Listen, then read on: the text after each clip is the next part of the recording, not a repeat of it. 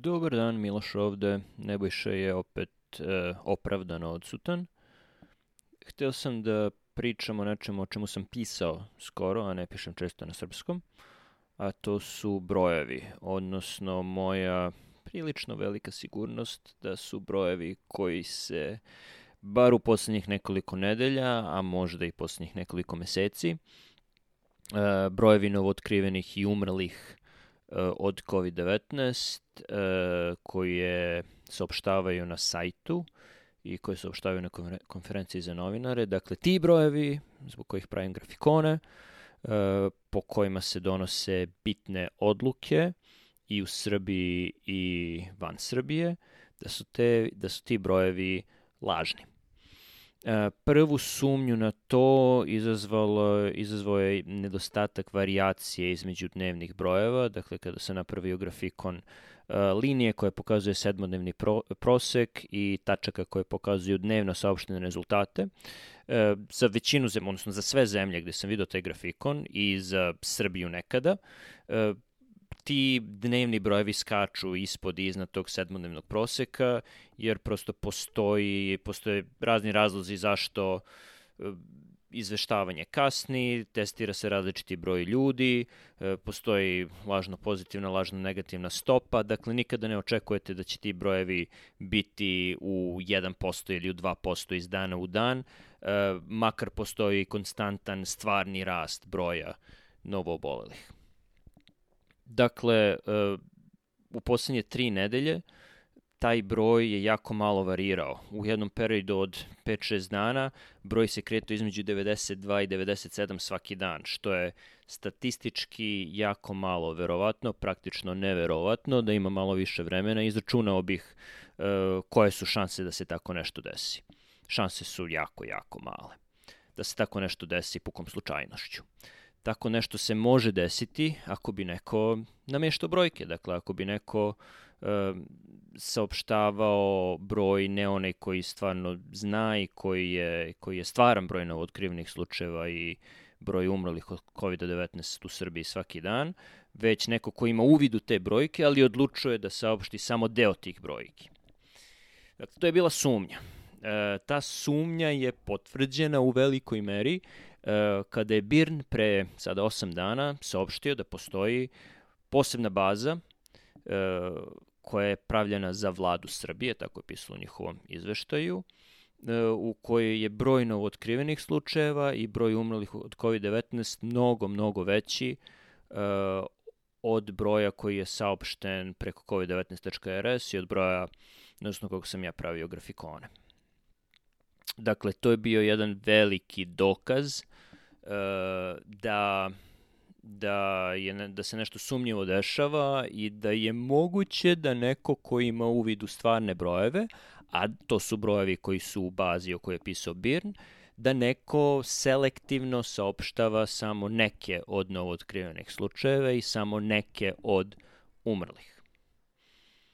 I ta moja sumnja se potvrdila prvo kada je nedelju dana prošlo, a niko ništa nije od zvaničnika komentarisao o toj bazi i nije dao, prvo nije demantovao da ta baza postoji, dakle, postoji, i drugo nije dao neko alternativnu, neku alternativnu verziju svrhe te baze i šta se u toj bazi nalazi i alternativni razlog za diskrepancu između podataka u jednoj i u drugoj bazi.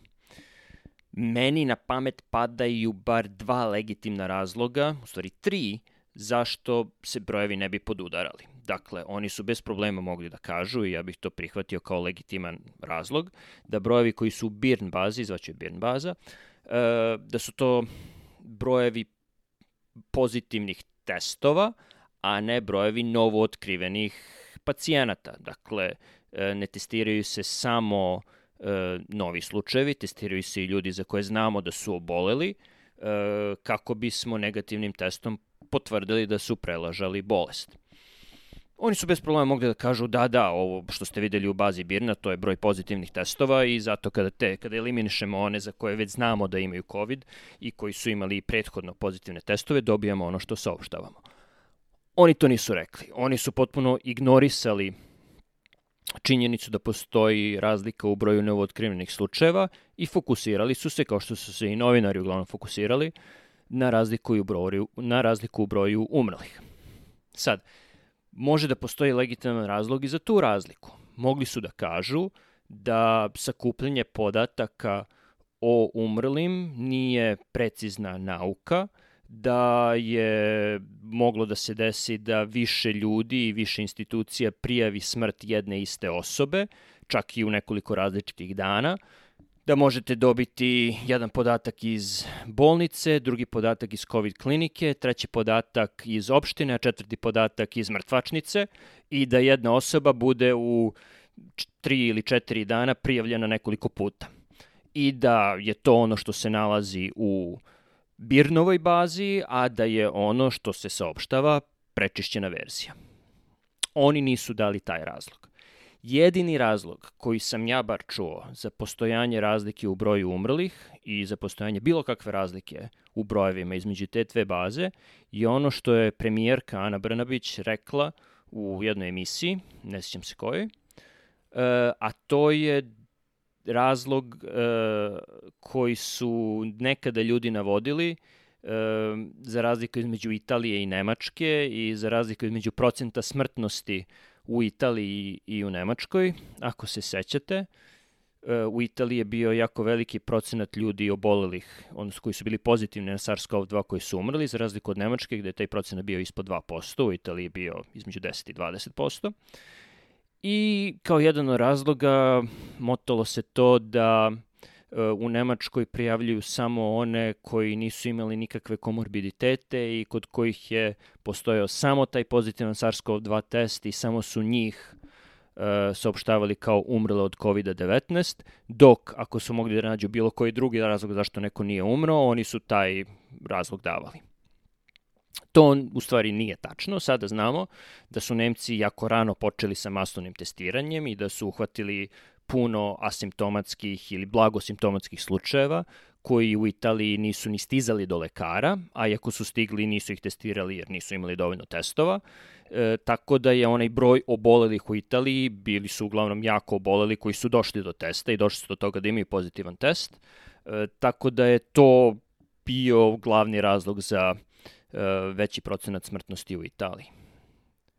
E, druga stvar je što postoji definicija Svetske zdravstvene organizacije koje se drži iz Srbija, a to je da je SARS-CoV-2, odnosno COVID-19, razlog smrti uvek kada je pozitivan kod pacijenta koji je umro, osim ako ne postoji neka trauma koja je apsolutno nepovezana sa COVID-19 i tada se može reći da COVID-19 nema nikakve veze sa tim. Zato je Ana Brnabić rekla, navela primer pacijenta koji je diagnostikovan u COVID klinici i na putu do uh, infektivne klinike gde treba da ga hospitalizuju, udari ga autobus i eto, on nije umro od COVID-19. Uh, razlika između Birnove i COVID-19 RS, odnosno zvanične baze, je 300 i nešto umrlih pacijenata, potrebno je puno traume i puno autobuskih nesreća da objasni tu diskrepancu. Na stranu to što se predsednik Srbije hvalio pre mesec dva da mi saopštavamo apsolutno svaku smrt ono ko je pozitivan na COVID-19 i e, čak i na ovo primer, da, da, druge zemlje ne saopštavaju, druge zemlje selektuju, ali mi ne, mi saopštavamo sve. Tako da mu direktno protivureče. I još nešto bih rekao na tu temu, a to je da uh, je jako teško, mislim ja kao deo svog posla utvrđujem smrt ljudi, uh, nažalost, odnosno na sreću sve češće, kada sam bio na specializaciji i na subspecializaciji to sam radio dosta češće. Uh, teško je, direktan uzrok smrti je uvek i kod svakoga uh, prestanak rada srca i pluća, dakle kardiorespiratorna insuficijencija. Ali to bar vlasti ovde ne prihvataju kao uzrok smrti, morate dati nešto konkretnije, nešto što je dovelo do prestanka rada srca i, plu, srca i pluća. I to može biti neka direktna stvar kao srčna insuficijencija, a može biti i neka posredna stvar kao rak, jer rak nikada direktno ne ubija ljude. Rak uvek izaziva ili podložnost organizma infekciji ili prestanak rada nekog drugog organa i taj drugi organ dovede na kraju do smrti. E, i uglavnom se može naći neko alternativno rešenje. Da li to znači da niko nikad ne umre od raka? Ne, to znači da je rak e, glavni, ali ne i neposredni uzročnik za mnoge smrti. E, to isto možemo reći i za COVID-19 kod ljudi sa komorbiditetima, odnosno kod ljudi koji imaju e, već diabetes, hipertenziju, srčanu insuficijenciju, hroničnu obstruktivnu bolest pluća, e, hroničnu bubrežnu bolest. Možemo reći kod većine njih da je e, COVID-19, ako dovede do smrti, glavni, ali ne i direktni uzrok smrti. Razlog je jednostavan, e, ljudi sa puno komorbiditeta imaju jako slabu rezervu, tako da ono što može neki zdrav 30-godišnjak da preživi na intenzivnoj nezi, ne može neko kome su već načeti i bubrezi. Ako neko ima bubrežnu insuficijenciju, neće ga one dovesti do intenzivne nege, dovešće ga do intenzivne nege COVID-19, ali će bubrežna insuficijencija dovesti do toga da ta osoba iz intenzivne nege ne izađe. Dakle, potpuno je besmisleno pričati o umiranju od korone, u poređenju sa umiranjem sa koronom, to je, to je besmislena priča.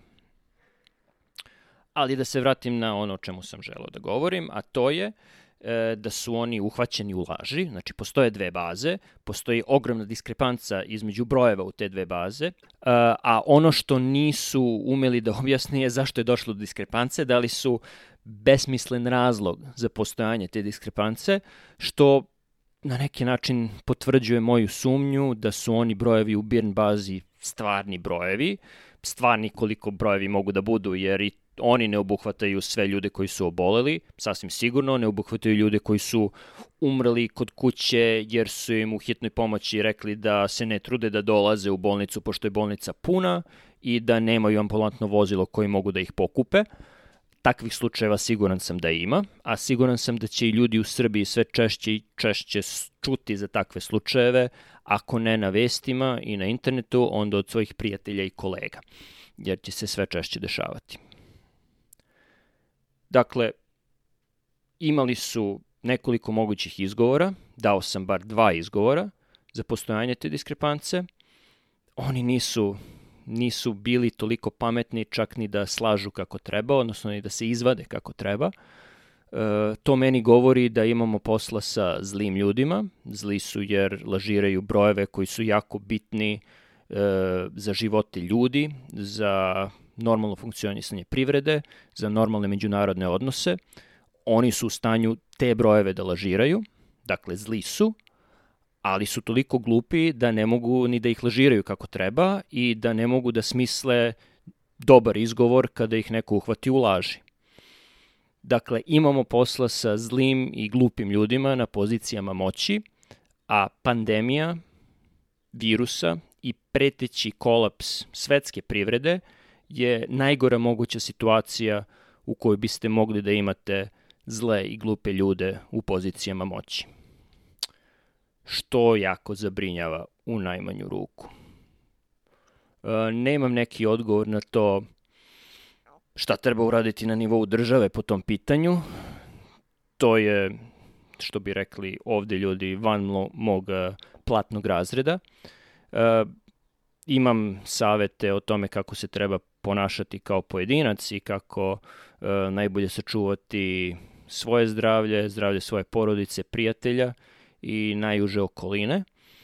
Za početak mogli biste da se ponašate onako kako ste se ponašali u vreme potpunog zatvaranja, e, u smislu nošenja maski svuda, izbjegavanja zatvorenih prostora, e, neidenja na masovno okupljanja, dakle bez rođendana, svadbi, sahrana, e, kojih će, nažalost, i plašim se biti sve više, bez koncerata, čak i ako su na otvorenom, osim ako nisu svi razmaknuti po bar metar i po, a možda i više, jer se na koncertima peva, znamo da kapljice daleko putuju. E, sada je pravo vreme, kao što sam napisao nekome na Twitteru, da se upoznate sa lepotama srpske prirode, jer nije i ne treba ostati zatvoreni, ne trebate ostati zatvoreni sve vreme, e, dokle god niste u kontaktu sa ljudima van svog direktnog okruženja, u redu je, dakle, putovanja na planine, u šume, jezera, čak i more, ako nađete neku pustu plažu, sve to u redu i iskoristite to vreme za bar malo uživanja.